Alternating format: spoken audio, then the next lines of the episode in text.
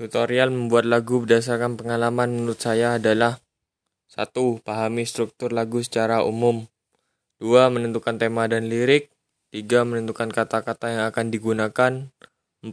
Mencoba membuat melodi lagu 5. Menyelesaikan lirik lagu Yang keenam, apabila sudah selesai, minta pendapat tentang lagu tersebut ke orang lain.